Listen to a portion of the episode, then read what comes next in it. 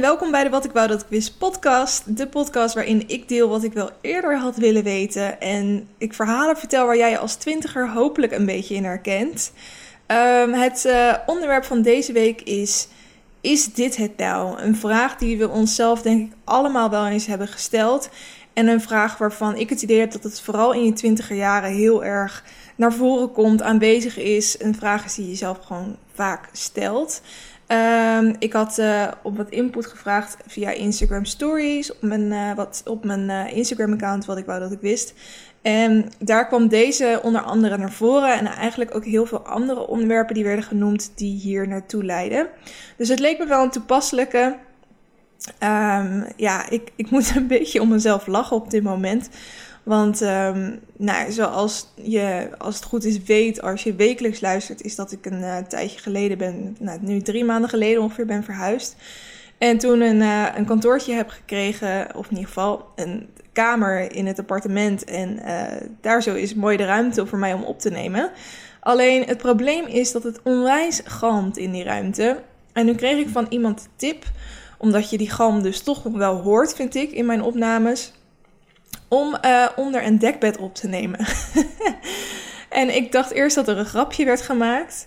Um, maar hier zit ik, uh, desalniettemin niet onder een dekbed, maar onder een, uh, um, hoe heet zo'n ding? Een, zo eentje waar je in slaapt, zeg maar, als je gaat logeren.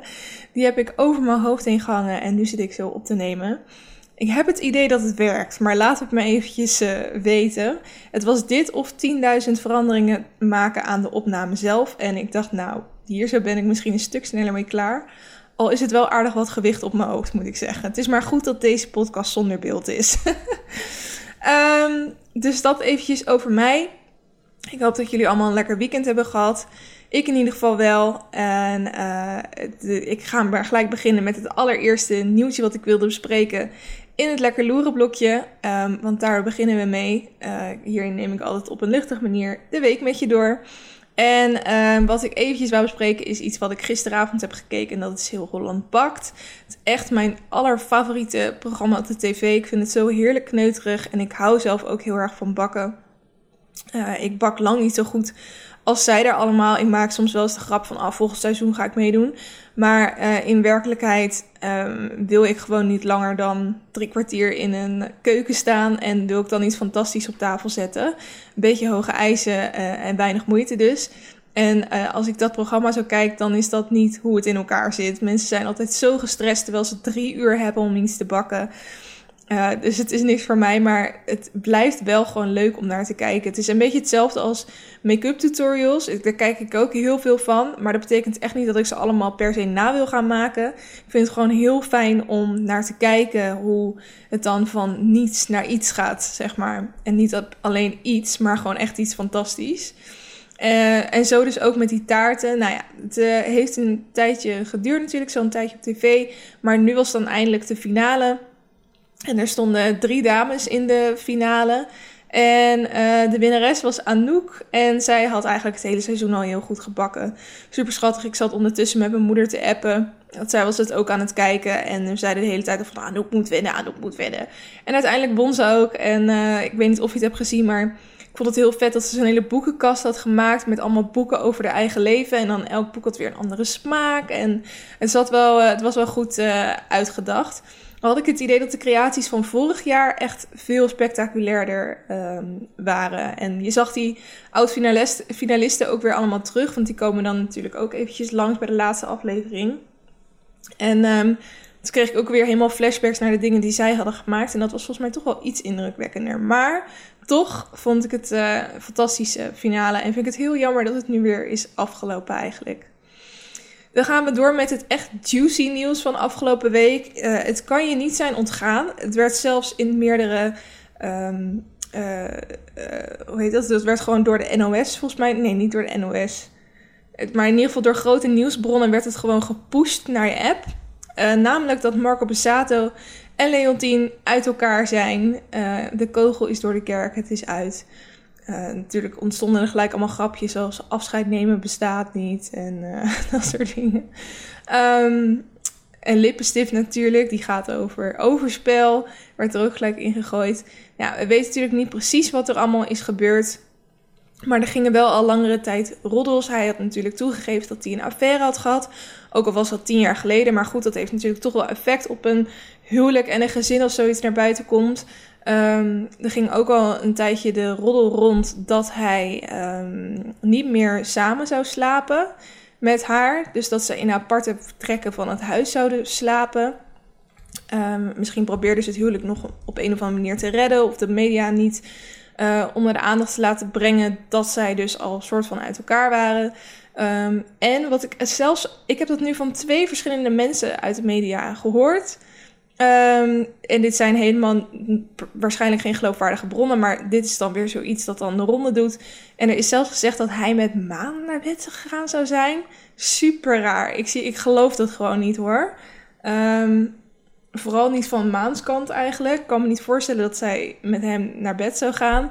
Mensen zeggen ja, maar in, die, in de voice-periode, nou, toen was ze echt nog zo jong. Nee, dat geloof ik gewoon echt niet.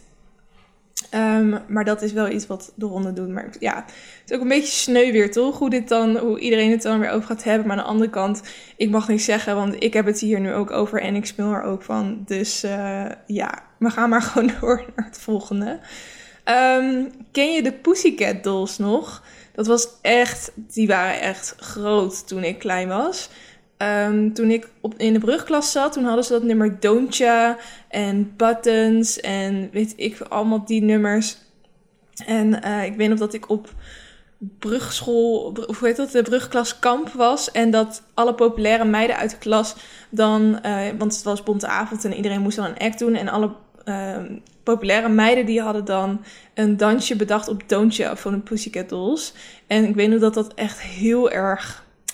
Ja, ik vond, ik vond het toen al vrij heftig om te zien, uh, zeg maar. Hoe zij daar aan het dansen waren. En dat ik dacht, tuurlijk doen jullie dit, tuurlijk doen jullie dit dansje. En elke keer als ik nu Doontje nog hoor van de Pussycat Dolls, wat niet heel vaak meer is... dan moet ik daar dus aan denken hoe die meiden op het podium stonden te dansen.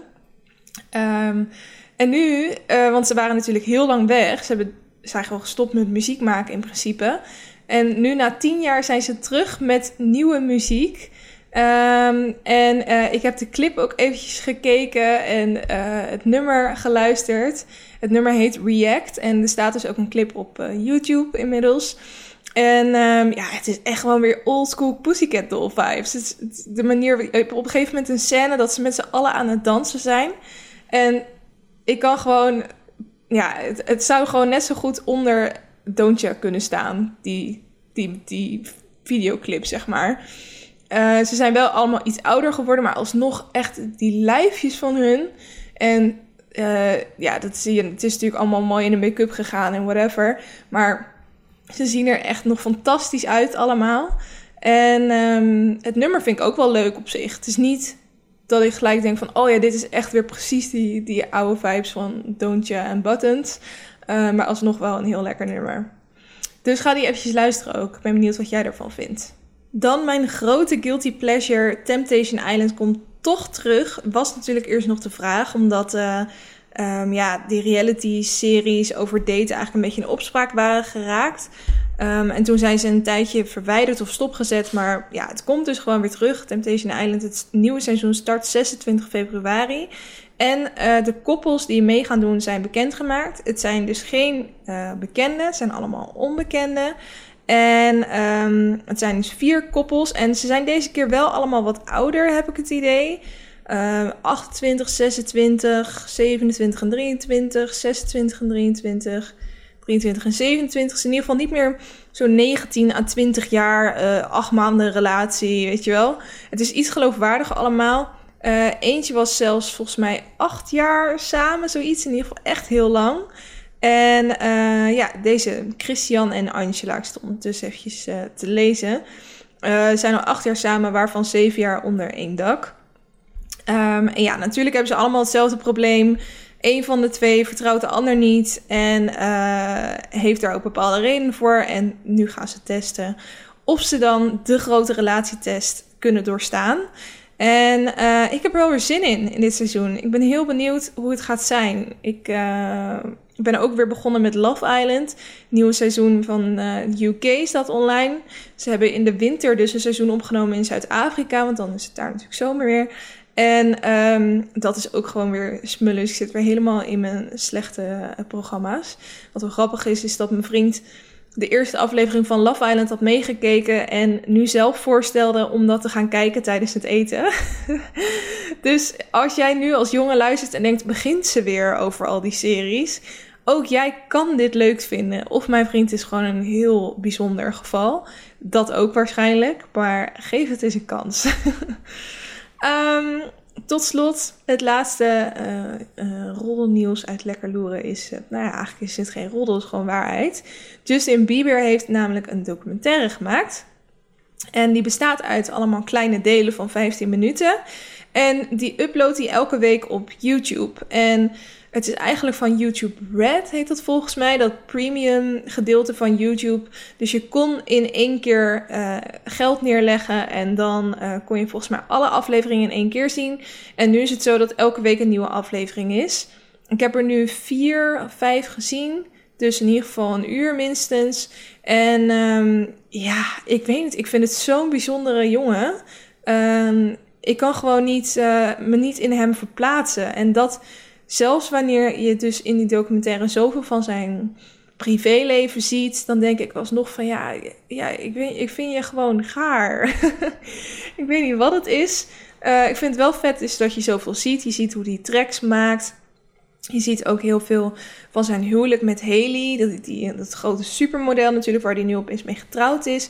Maar toch denk ik, ja, de dingen die over jou zijn geschreven in de media. De dingen die je gedaan hebt. Uh, natuurlijk ook een tien jaar relatie met Selena Gomez. En dan na drie maanden uh, trouwen met die Haley. Uh, nu bleek hij al wel eerder ook met, met haar gehad hebben. Maar toch, het is allemaal een beetje raar gegaan. En het voelt gewoon als een hele hoop ongezonde keuzes. En dat deze documentaire een soort rapmiddel is om zijn nieuwe album um, ja, wat meer populariteit uh, voor te krijgen. Dus I don't know. Um, ik blijf wel kijken. Het wordt als het goed is steeds kwetsbaarder ook. Hij gaat ook vertellen over zijn ziekte van Lyme bijvoorbeeld. Um, waar hij veel last van heeft gehad. Maar ja, tot nu toe is het nog vooral heel veel mensen die hem aan het ophemelen zijn. En dat is eigenlijk de enige audio die je hoort. Vooral stemmen van andere mensen die zeggen hoe fantastisch Justin Bieber is. Dus het lijkt wel echt zo'n pleidooi om zijn imago weer uh, goed te krijgen of zo. En ik weet niet, ik voel hem gewoon niet helemaal. Maar toch ben ik geïntrigeerd en blijf ik kijken. En zeker omdat het dan gratis op YouTube staat en zulke korte afleveringen zijn dan denk ik toch, nou ja, ik kijk gewoon eventjes. Weet je, dit is toch wel iets waar veel mensen het over hebben. Het is gewoon wel een van de grootste sterren van onze tijd. En um, ja, daarom wel ontzettend interessant natuurlijk hoe zo iemand is. En ik vind het ook niet gek dat hij zo een beetje raar op mij overkomt. Want hoe kan je nog normaal zijn als je het leven leidt dat hij heeft gehad afgelopen... Nou, wat was het? Wanneer werd hij bekend? Toen hij 10, 9, 11, 12, zoiets was? Dus ja, ik begrijp het op zich ook wel. Um, maar ja, het blijft wel een talent gewoon. Dat absoluut. Dan gaan we door naar het LKL'tje, uh, waarin ik je lees, kijk en luistertips geef. En uh, de leestip is dus het boekenclubboek van deze maand. Je kan nog steeds bij de, uh, de chatgroep, als je dat wil. De chatgroep op Instagram. En daar praten we over het boek. Um, het boek is De meeste mensen deugen van Rutger Bregman. En um, dat is dus een soort geschiedenis van de mensheid, uh, maar dan op een, uh, ja, een heel leuk geschreven manier, als het goed is. Ik had nog steeds wat problemen met het, met het uh, laten bezorgen van dat boek. Dus hopelijk komt die vandaag of morgen. En dan kan ik eindelijk beginnen met lezen. En dan moet ik ook echt haast gaan maken, want het is best wel een dik boek volgens mij. Dus ik hoop dat me dat allemaal nog gaat lukken. Maar ik ga me er gewoon toe zetten. Komt helemaal goed. Uh, ik ben ontzettend benieuwd naar. Ik heb van heel veel mensen al hele goede verhalen gehoord over dit boek. Uh, het is ook niet voor niets een bestseller natuurlijk. Dus um, ja, lees, ga hem ook nog gewoon eventjes lezen. Uh, voel niet de druk van die eindstreep. Doe je er wat langer over, dan is dat maar zo. Um, maar ik zou het leuk vinden als je meeleest. En stuur me dan zeker eventjes een DM, dan voeg ik je toe aan de groep. Dan uh, de kijktip van deze week. Um, een programma wat ik uh, onwijs veel heb gekeken op Netflix is een uh, nieuw modeprogramma met Tan van Queer Eye. En um, hij is natuurlijk, zijn specialisme is dan fashion in Queer Eye. En dat komt dus ook in Next New in Fashion naar voren. Zo heet de Netflix-serie die ik dus heel veel heb gekeken afgelopen week. En uh, eigenlijk is het een soort Project Runway, als je dat ooit hebt gezien. Dus het is een uh, designwedstrijd en uh, elke aflevering valt er iemand af. En elke week is er ook weer een ander thema. En um, het wordt gepresenteerd dus door die Ten en samen met Alexa Chung. Groot supermodel natuurlijk, onder andere. En zij zijn heel erg grappig samen als koppel, vind ik. Ze presenteren het heel leuk. En de designers, dat zijn ook allemaal teams. Dus het bestaat elk team bestaat uit twee mensen. Ze begonnen volgens mij met tien koppels of zo. En nu zijn er, ik zit bij de derde aflevering of zo, dus er zijn al twee afgevallen. Um, maar ja, ik vind dat altijd zo knap om te zien. En ik weet nog wel dat ik vroeger ook altijd dacht dat ik dat. Ja, ik heb volgens mij alles, elke uh, carrièreoptie wel een keer overwogen. Maar ik wilde ook nog een tijdje fashion designer worden. Waarschijnlijk door zo'n soort programma als Project Runway. En ik heb dus van die schriftjes waarin ik dan elke keer kleding ging ontwerpen. En dan had ik weer Gossip gekeken. En dan zag ik daar een hele vet outfit in. En dan ging ik die natekenen. En dan voelde ik me echt een fashion designer. En dat gevoel krijg ik een beetje terug als ik nu dus dit weer kijk.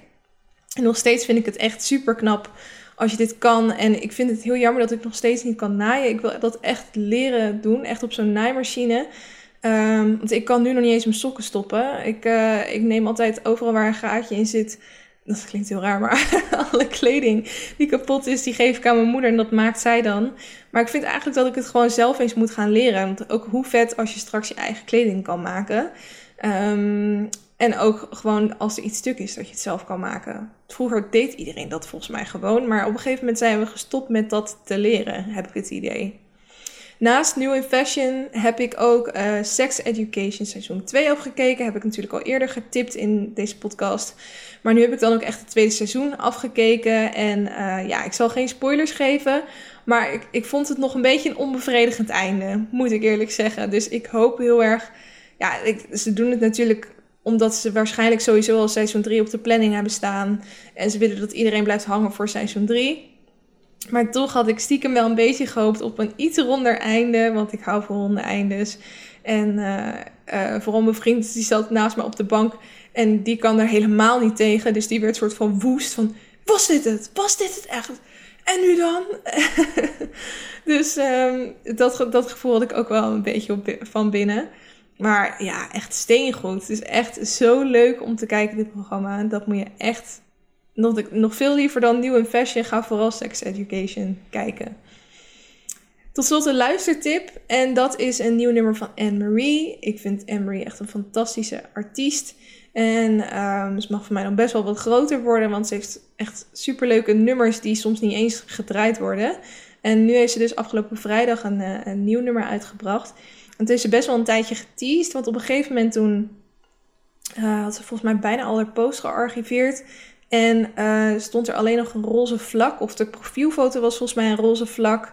En um, toen zag je ook dat uh, bijvoorbeeld buitenlandse radiostations erover aan het posten waren van... Wat is aan de hand met Emery? Wat gaat ze doen? Weet je, er, er ontstond wat mysterie rondom haar. En uh, daarna ging ze allemaal foto's posten van heel veel roze dingen. Alles was roze. En uiteindelijk ook een foto van zichzelf met roze haar. Of dat eerst natuurlijk dat zilveren haar. En um, toen kwam dus naar buiten dat ze uh, haar nieuwe single Birthday in première ging, uh, ging brengen. En dat was afgelopen vrijdag.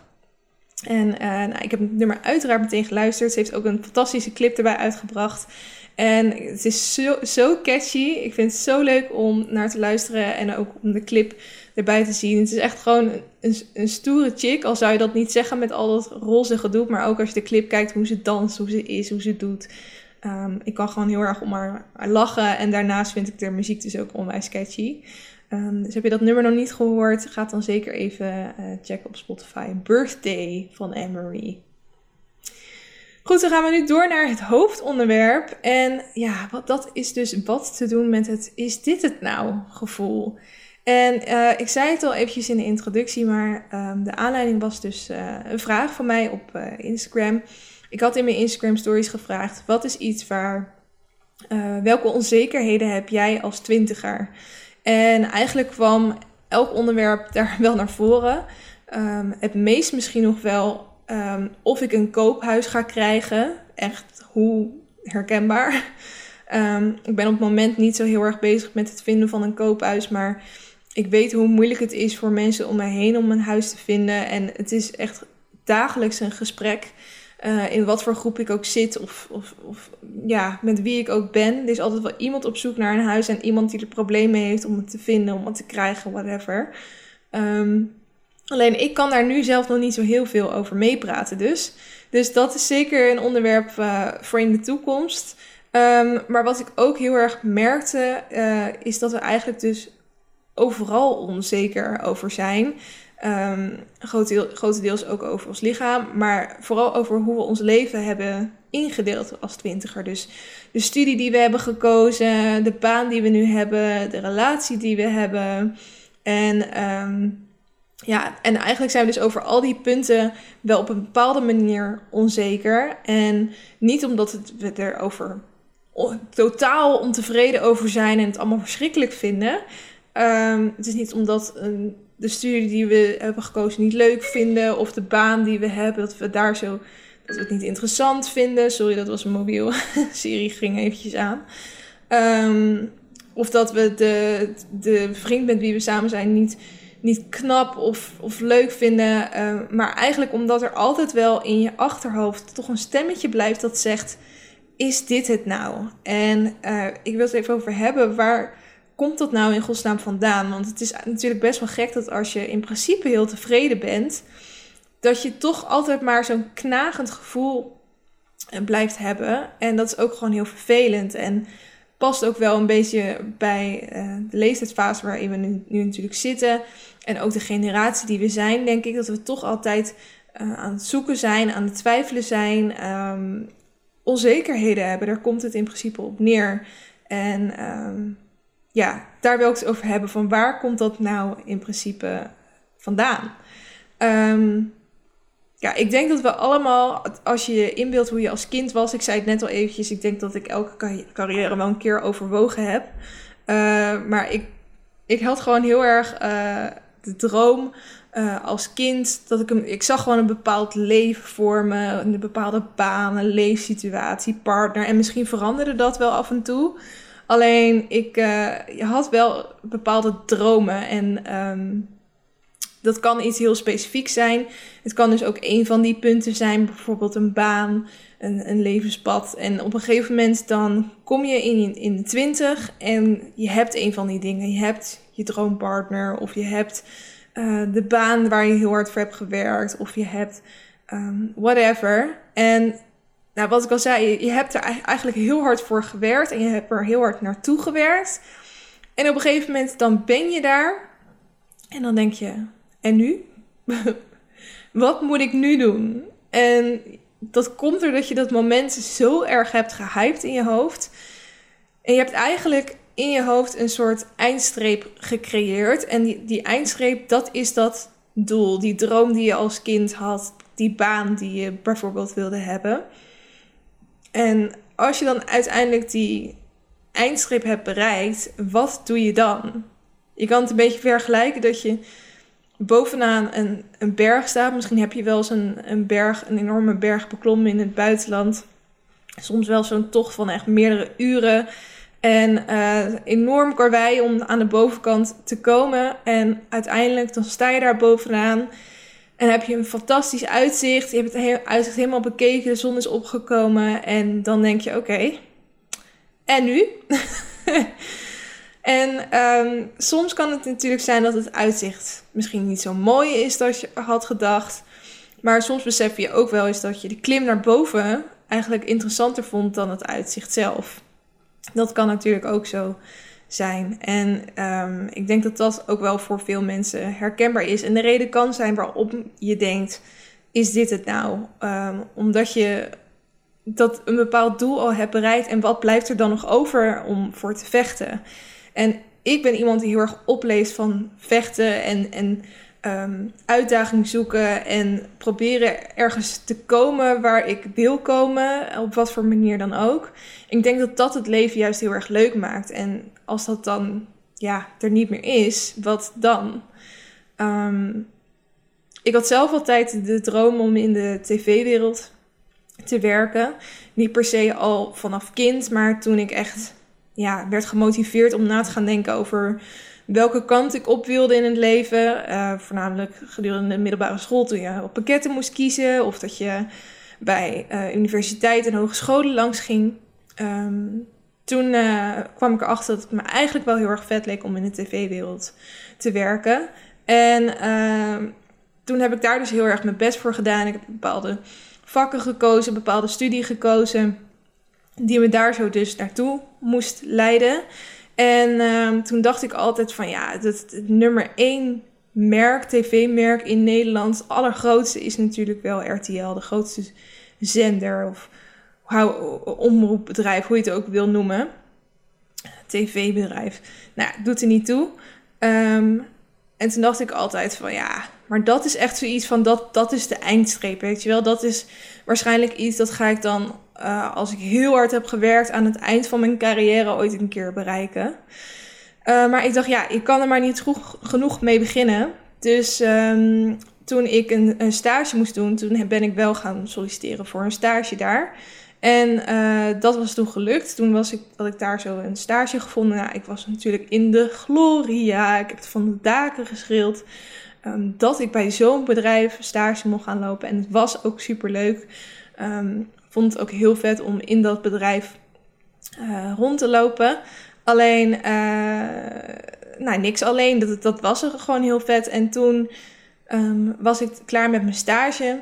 En uiteindelijk door contacten die ik heb gehouden daar zo, um, gebeurde het uiteindelijk zo dat ik toen ik helemaal klaar was met studeren, wat wel een aantal jaar verder was, kon ik daar zo een, een baan krijgen.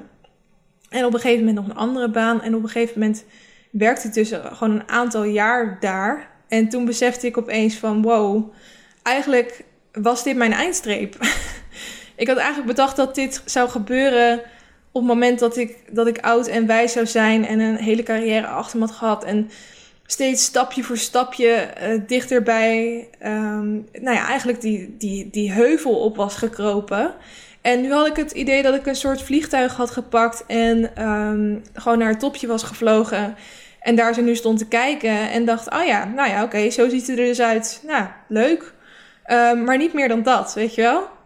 Dus ik vond het fantastisch om daar zo uh, te zitten en, en te werken bij het bedrijf in mijn hoofd van, van Nederland.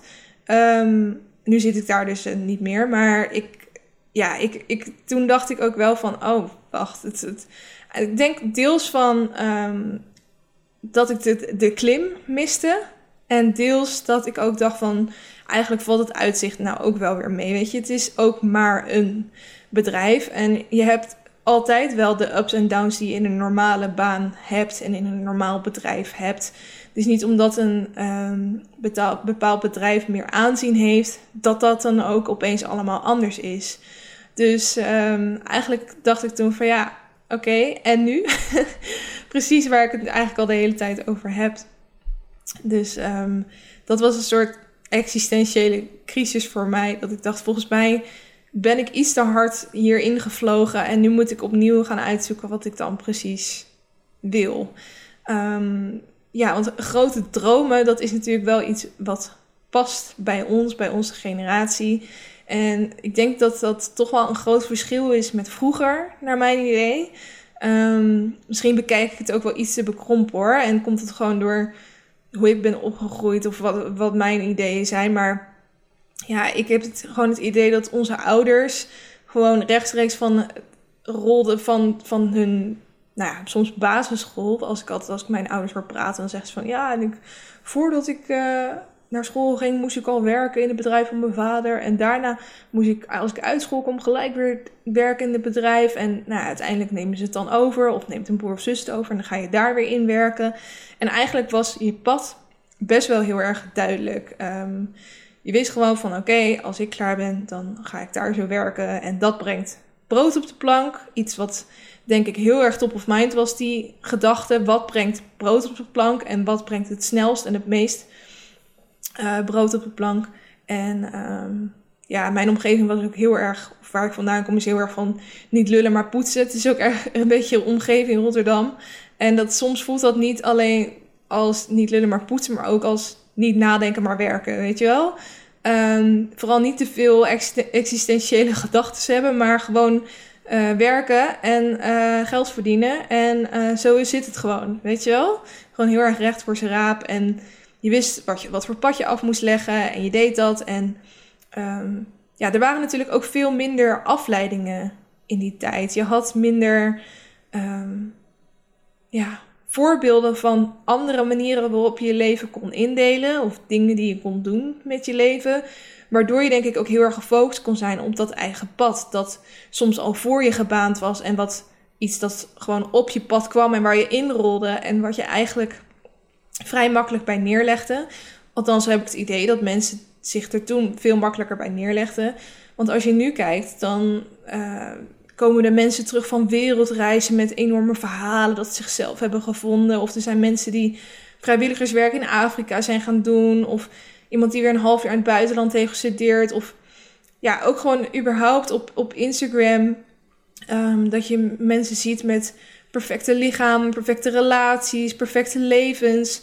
Uh, je, je hebt gewoon veel meer vergelijkingsmateriaal. En um, op het moment dat bepaalde mensen zo overtuigd lijken van de keuzes die ze hebben gemaakt, bijvoorbeeld om naar het buitenland te gaan, om vrijwilligerswerk te gaan doen, of om, weet ik veel, influencer te worden, of arts of politieagent, ik zeg maar wat. Je, je ziet gewoon veel meer opties. Ook omdat het internet natuurlijk de hele wereld verbindt. Dus in principe heb je miljoenen aan vergelijkingsmateriaal. En je kan in miljoenen levens een kijkje nemen. En uh, daardoor is je blikveld zo ontzettend breed geworden dat uh, die afleiding die kan ook gewoon heel erg onzeker maken natuurlijk. En ik denk dat die, die, dat vergelijkingsmateriaal ook niet altijd even handig is. En dat je ook gewoon een rustiger persoon was in je dagelijks leven als je in die tijd leefde van mijn ouders toen zij nog jong waren. En ja, natuurlijk, je had filmsterren toen op tv en, in bioscoop. Maar ik heb het idee dat die gewoon zo ontzettend onbereikbaar en fictief leken. Dat je, ja, je, je durfde jezelf daar niet eens mee te vergelijken. En waarom zou je ook? Dat waren mensen die aan de andere kant van de wereld een compleet ander leven leiden dan dat van jou. En um, waar je echt niet zo mee bezig was. En nu lijkt alles zo ontzettend grijpbaar. Dat, dat ene meisje dat vroeger bij je op school zat, dat is nu influencer geworden en wordt ingevlogen voor een of ander tof reisje naar Tulum of om iets te promoten. En die ene kennis van vroeger, die kan je op Polar Steps weer volgen in zijn reis rond de wereld. En die maakt het ene na het, fantastische, het andere fantastische avontuur mee. Weer een ander heeft eigen bedrijfje opgezet en die deelt haar eigen werkweek in. En die profileert zich helemaal online als girlboss. Um, ja, je hebt gewoon zoveel verschillende manieren om je leven in te delen. En de standaard 9 tot 5 baan en uh, het, het, huisje in het dorp, zeg maar. Dat is al lang niet meer zo spannend of meeslepend of interessant. Of althans, dat, dat is het natuurlijk wel. Dat is het absoluut. Alleen zo voelt het niet meer omdat je het toch al snel gaat vergelijken um, met alles, al het andere dat er is en waar je nu weet van hebt. En zelfs al zou je dat dus wel heel graag willen, die 9 tot 5 baan en gewoon het huisje in het dorp om de hoek bij je ouders en je vrienden, dan, uh, dan wil je, je wilt het misschien heel graag wel, maar aan de andere kant wil je het ook weer niet, omdat je bang bent dat anderen veel meer van je verwachten en misschien verwacht jij stiekem van jezelf ook wel meer. Ook al wil je het niet, snap je wat ik bedoel? Dus je onbewuste heeft je eigenlijk soort van aangeleerd dat er meer is en dat je dus ook meer zou moeten. En um, eigenlijk ben je dus, dus jezelf aan het vergelijken met anderen. En dat vergelijken is zo makkelijk geworden dat je je al snel niet goed genoeg voelt. En zonder afleidingen had je misschien wel ontzettend gelukkig geweest. Maar door het idee dat je meer moet En ehm, alles waar je nu bent, in je relatie, je huis en je baan, omdat je het idee hebt dat dat niet goed genoeg is, blijf je dus met dat gevoel zitten van: is dit het nou? Je kan eigenlijk niet meer tevreden zijn. En ik vind het heel knap als ik met mensen praat die ontzettend tevreden zijn met waar ze zijn. Die niet constant op zoek zijn naar iets, iets beters, iets mooiers, iets anders. Die niet constant die blik op de toekomst hebben. En eigenlijk de mensen die heel erg in het nu zijn. En eh, heel erg gelukkig zijn met de kleine dingen die ze op dit moment doen en hebben en meemaken. Daar ben ik wel af en toe echt een beetje uh, jaloers op. Want ik probeer dat heel erg te zijn. Maar het is echt niet zo heel erg makkelijk. Ehm, en ik, ik, aan de ene kant leef ik er ook van op om naar iets beters, mooiers, interessanters, leukers te streven. Maar het kan natuurlijk ook heel erg vermoeiend zijn. En zeker die vraag die je constant stelt van, is dit het dan? Uh, en als je dan weer iets anders gaat doen, is dit het dan? Um, je, je weet gewoon niet zo goed waar je goed aan doet. En uh, het is heel lastig om te luisteren naar je uh, gevoel. Um, en die vraag, dat, het idee dat je niet goed genoeg bent en die vraag van is dit het nou, dat voert de druk natuurlijk nog meer op om keuzes te maken en maakt je nog gestrester. Daar komt denk ik ook bij dat de keuzes in je, die je maakt, in je, of die je moet maken in je twintiger jaren, zo ontzettend definitief voelen. En dat is best wel raar, want eigenlijk heb je nog heel je leven voor je. Je bent tenslotte pas 20 of ergens in de 20. Um, maar je hebt het idee dat je nu direct goed moet kiezen. Want ja, dat doet iedereen om je heen blijkbaar ook. En je wil natuurlijk vooral niet achterlopen op de rest. De vraag is alleen, hoe weet je nou wanneer je de juiste keuze hebt gemaakt? Wat is de juiste keuze voor jou? Soms dan kan je misschien hebben als je een bepaalde keuze hebt gemaakt van yes, dit is het. Dit is precies waar ik nu moet zijn. En dan heb je echt een schot in de roos. Maar in mijn ervaring is dat vaak maar een periode en kan dat gevoel ook weer weg hebben naarmate je ouder wordt. Of ja, eigenlijk is het meer een soort achtbaan. Gewoon de, de, vorm die een achtbaan maakt, zo echt omhoog en dan weer aan de onderkant een dipje, dan aan de bovenkant een piek en dan weer een dipje. Het ene moment ben je ontzettend zeker van je zaak. En het andere moment kan je dan weer aan alles twijfelen. Heb ik wel de juiste studie gekozen? Is dit wel de baan voor mij? Is mijn vriend wel degene met wie ik oud wil worden? En ja, ik denk dat we dat allemaal, dat gevoel wel eens hebben. En ik heb het ook wel eens. Ik heb soms het idee dat ik iets te snel ben opgegroeid. Dat ik te snel ben gaan studeren. Te snel mijn studie heb afgemaakt. Te snel naar een fulltime baan ben gegaan. Waardoor ik nu denk: oké, eh, de volgende 40 jaar gaat er eigenlijk best wel weinig veranderen in mijn leven. In vergelijking met de eerste 25 jaar van mijn leven waarom heb ik dan die eerste 25 jaar zo ontzettend snel gedaan? En zit ik dan nu vast? Wat moet ik dan nu doen? En um, ja, dat zijn dan vragen die allemaal door mijn hoofd spoken, waarvan ik het idee heb dat jullie ze ook allemaal hebben als ik kijk naar um, wat er allemaal ingestuurd is via Instagram. Um, ja, en een deel van die is dit het nou vraag komt dus naar mijn mening wel naar voren door iets irreëels. Dus je bent jezelf eigenlijk gewoon een beetje gek aan het maken door al die afleidingen die, je hebt, door alles wat je om je heen ziet, door de vergelijkingen die je constant aan het maken bent. En um, dat is misschien niet zo heel reëel. Maar het kan natuurlijk ook komen door iets heel reëels. Dus iets in je leven waar je eigenlijk echt niet blij mee bent. En um, waardoor deze vraag ook eigenlijk met een reden in je opkomt. En dat het echt wel een signaal is dat je er iets aan moet gaan doen. Omdat je gewoon niet gelukkig bent op de, met de manier waarop je nu je leven leeft, op welk vlak dat dan ook is. Um, het kan komen doordat je altijd je leven hebt geleefd op een manier dat je dacht dat het hoorde. In plaats van dat je je leven hebt geleefd hoe je het zelf wilde. Omdat je misschien destijds gewoon niet wist hoe je het wilde. En dat je gewoon maar het pad hebt gevolgd dat andere mensen uh, voor je gebaand hadden. Waarvan zij zeiden: Dit is goed, dit, dit past bij je, dit moet je echt gaan doen. Um, en dat je er toch al snel gewoon in meegaat en denkt: Nou ja, die mensen kennen mij, dus ze zullen wel gelijk hebben. En dat je nu opeens op een punt zit dat je denkt: Ja, maar dit wilde ik eigenlijk helemaal niet. En nu weet ik pas echt wat ik wil. Um, daar kan het doorkomen. Um, hoe dan ook is het denk ik in dat geval heel erg de moeite waard om te onderzoeken wat je echt zelf wil. en wat er dan nu ontbreekt.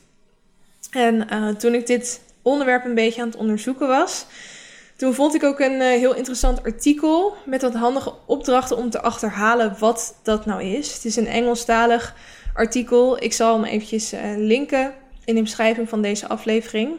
En um, het is uh, een artikel uit 2000. even kijken hoor. Ik heb het verkeerde artikel voor me. Deze. Deze is het. Het heet What to Do if you're thinking is this it? En het is uh, een artikel van 18 maart 2015. Het is volgens mij van een hele random blog. Het heet The Everyday Adventure. dus je snapt, ik was ook een beetje sceptisch toen ik dit uh, um, erbij pakte. Maar ik vind de huiswerkopdracht, want dat is het eigenlijk, die zij beschrijft in deze blog, op dit artikel, echt heel goed in elkaar zitten. En ik denk dat dit je echt heel erg kan helpen als je met de vraag zit: is dit het nou? Um, dus ik wil hem toch eventjes met je door gaan nemen. Dus hier gaan we. Dus uh, vraag 1 is: uh, What's important to you in life? En zij stelt dan voor om dit echt goed te gaan brainstormen en echt alles op te schrijven waar je ook maar op kan komen. En dat, dat kunnen uh, bepaalde waarden zijn, maar het kan, kunnen ook dingen zijn zoals eten, kleuren of bloemen of huisdieren, whatever. Uh, dat moet je allemaal opschrijven. Dus bedenk ook nu eventjes in je hoofd, wat is er voor jou echt belangrijk in je leven? En als het goed is, poppen er gelijk al wat dingen op en die moet je eventjes vasthouden. Dan heb je de tweede vraag en dat is review your week. What did you go out of your way to do and not do? Dus wat waren dingen die je echt ja, heel erg die je best voor hebt gedaan om te doen, die je heel erg belangrijk vond om te doen? En wat waren dingen waarvan je dacht, nee, ik doe ze wel of liever, ik ga ze nog liever uit de weg?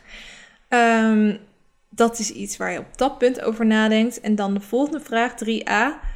What irritates you or makes you angry or upset? En dit kunnen mensen zijn, evenementen, activiteiten, dingen die gebeuren als je buiten bent of binnen, uh, gesprekken die je hebt. Uh, het kan van alles zijn. In ieder geval dingen waar je negatieve gevoelens van krijgt. Dus uh, voornamelijk waar je boos van wordt of geïrriteerd. En daarna komt 3b. En dat is welke uh, what values or needs are not being met in the above situations. Dus je hebt een aantal situaties als goed is in je hoofd, misschien wel recente gebeurtenissen, um, die jou echt boos of geïrriteerd hebben gemaakt. En vaak komt dat voort uit het feit dat er bepaalde waarden die jij heel erg belangrijk vindt, niet in die situaties zijn meegenomen of compleet zijn genegeerd of daar is iets niet mee gebeurd wat jij, waar jij van wil dat het wel was gebeurd. En um, dat vond ik wel heel interessant om dat dan eens op te schrijven. Want ik heb eigenlijk nooit zo over een situatie nagedacht. Ik dacht gewoon, ja, ik ben nu boos. Uh, ik vind dit niet oké. Maar ja, wat, waar ligt het dan aan dat je het niet oké vindt? Welke waarden zitten daarin? Dan heb je vraag 4. Write down times, moments, events when you were really happy. Dus met wie was je toen? Um, waar was je toen? Wat was er aan het gebeuren op dat moment?